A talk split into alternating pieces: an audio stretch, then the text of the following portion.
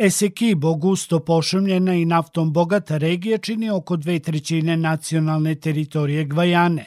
Venecuela je dugo polagala pravo na zemlju i odbacuje presudu međunarodnih arbitara iz 1899. kojom su postavljene sadašnje granice – Predsednik Vajane Irfan Ali ponavlja stav o graničnoj kontroverzi sa Venecuelom da je to pitanje o kojem se ne može pregovarati, ističući da će meritum slučaja utvrditi Međunarodni sud pravde. Rekli smo jasno da po pitanju kontroverze oko granice nema nikakvog kompromisa. To je pitanje za Međunarodni sud pravde i to je mesto gde će ovo pitanje biti rešeno. O tome nema pregovora i nema kompromisa. Kao što znate, Međunarodni sud je već naložio Venecueli da osigura status quo.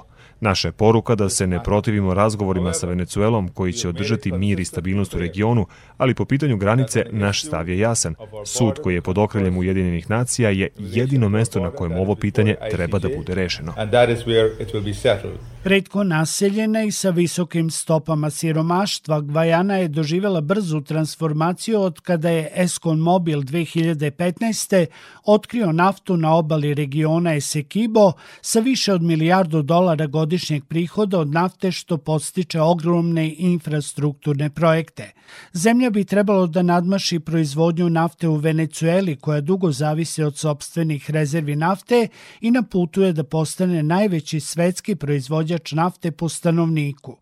U razgovoru sa zakonodavcima predsednik Venecuele Nikolas Maduro je zatražio da sastave zakon kojim bi se zabranilo angažovanje bilo kojih kompanija koje su radile sa Gvajanom u oblasti sa spornim vodama, a kompanijama koje se trenutno nalaze u regionu daje tri meseca da napuste tu oblast. Guyana se convierte Gvajana postaje pretnja miru i stabilnosti i međunarodnom pravu širom regiona Kariba. Venecuela diže glas protiv toga i potvrdit ćemo svoj suverenitet.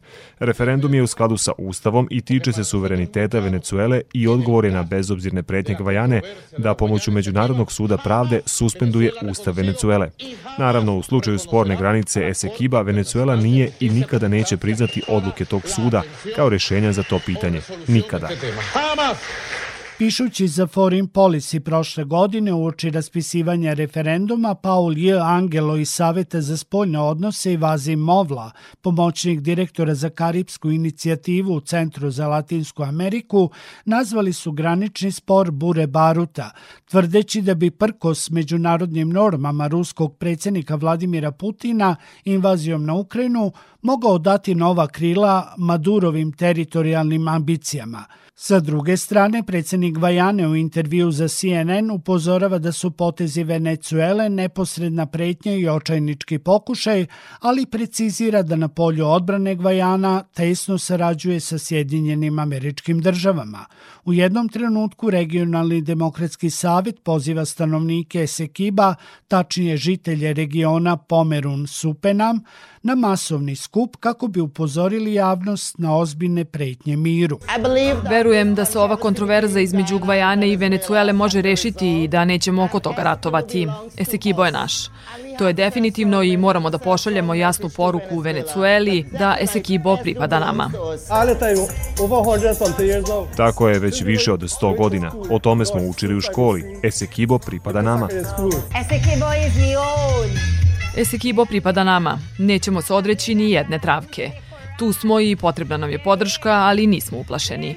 Verujemo da ćemo sačuvati ono što je naše, jer Esekibo pripada Bajani.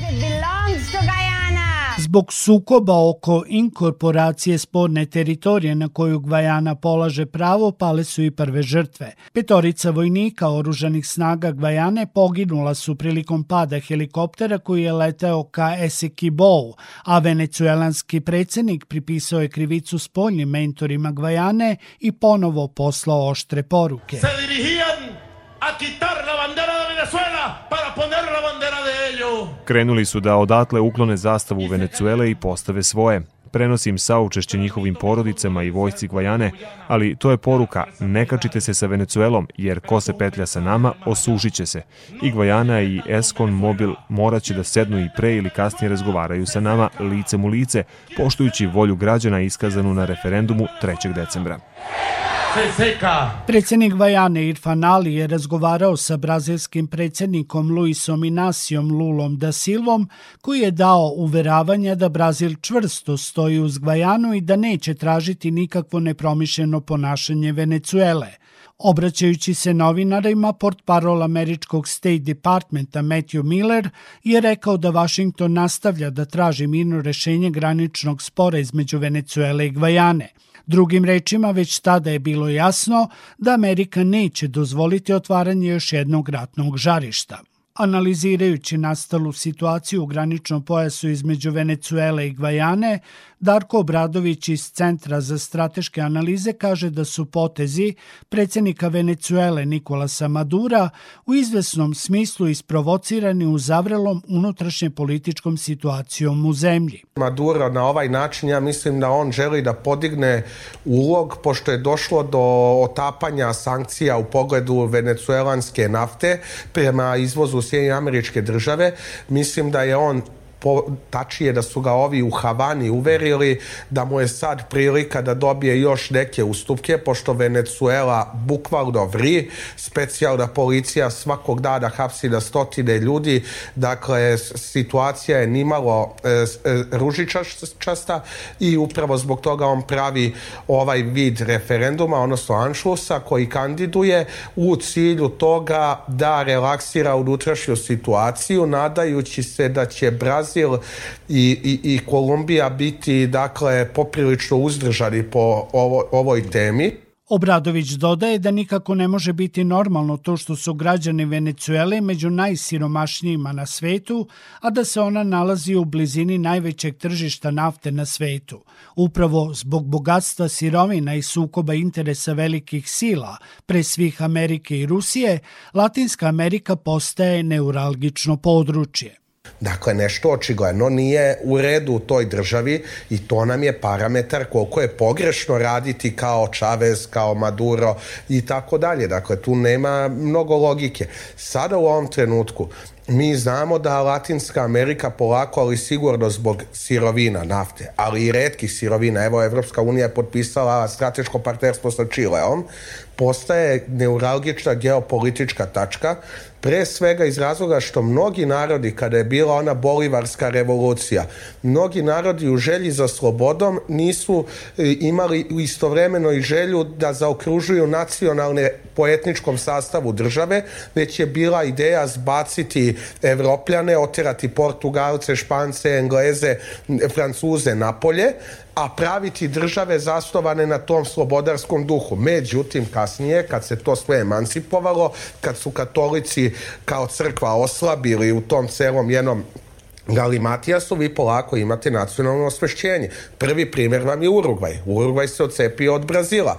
Dakle, ne, ne, nije završena priča o Latinskoj Americi kada se govori o granicama, jer mnogi ljudi, ona brda koja spominje e, Ljuban, dakle, ta brda su s jedne strane fizička brana, a sa druge strane su ujedno i prilika da vi imate nacionalnu koheziju, jer se stvara i dalje nacija u Latinskoj Americi.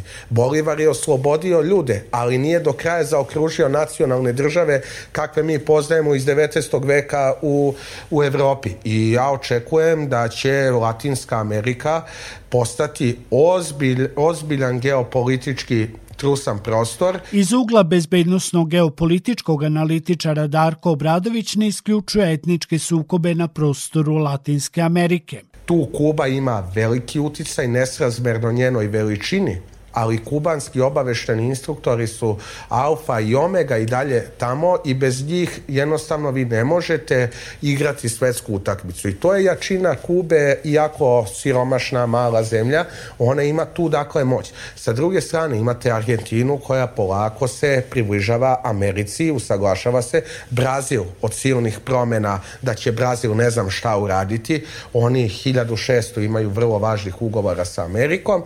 Dakle jednostavno Jednostavno priča u Latinskoj Americi nije završena, redke sirovine, velika zelena utakmica koja se odvija, opredelit će etničke sukobe, jer tamo je lako relativno sa televizijom i par stotina kalašnjikova, lako je zapaliti situaciju. Ovaj spor između ostalog nudi šansu venecuelanskom predsedniku Nikolasu Maduru da podigne popularnost pred predsedničke izbore 2024. u okolnostima sve veće ekonomske neizvesnosti. Venecuela se suočava s rastućim pritiskom sve nestrpljivijih kreditora poput Rusije i Kine, te zahtevnih saveznika kakvi su Iran i Kuba. Prvi put posle mnogo godina Maduro se suočava i s nečim što bi se moglo nazvati organizovanom političkom opozicijom, predvođenom predsjedničkom kandidatkinjom Marijom Korinom Machado, koja će predstavljati najveći izborni izazov s kojim se Maduro do sad suočio. Sektor Plus. Svet sa naslovnice.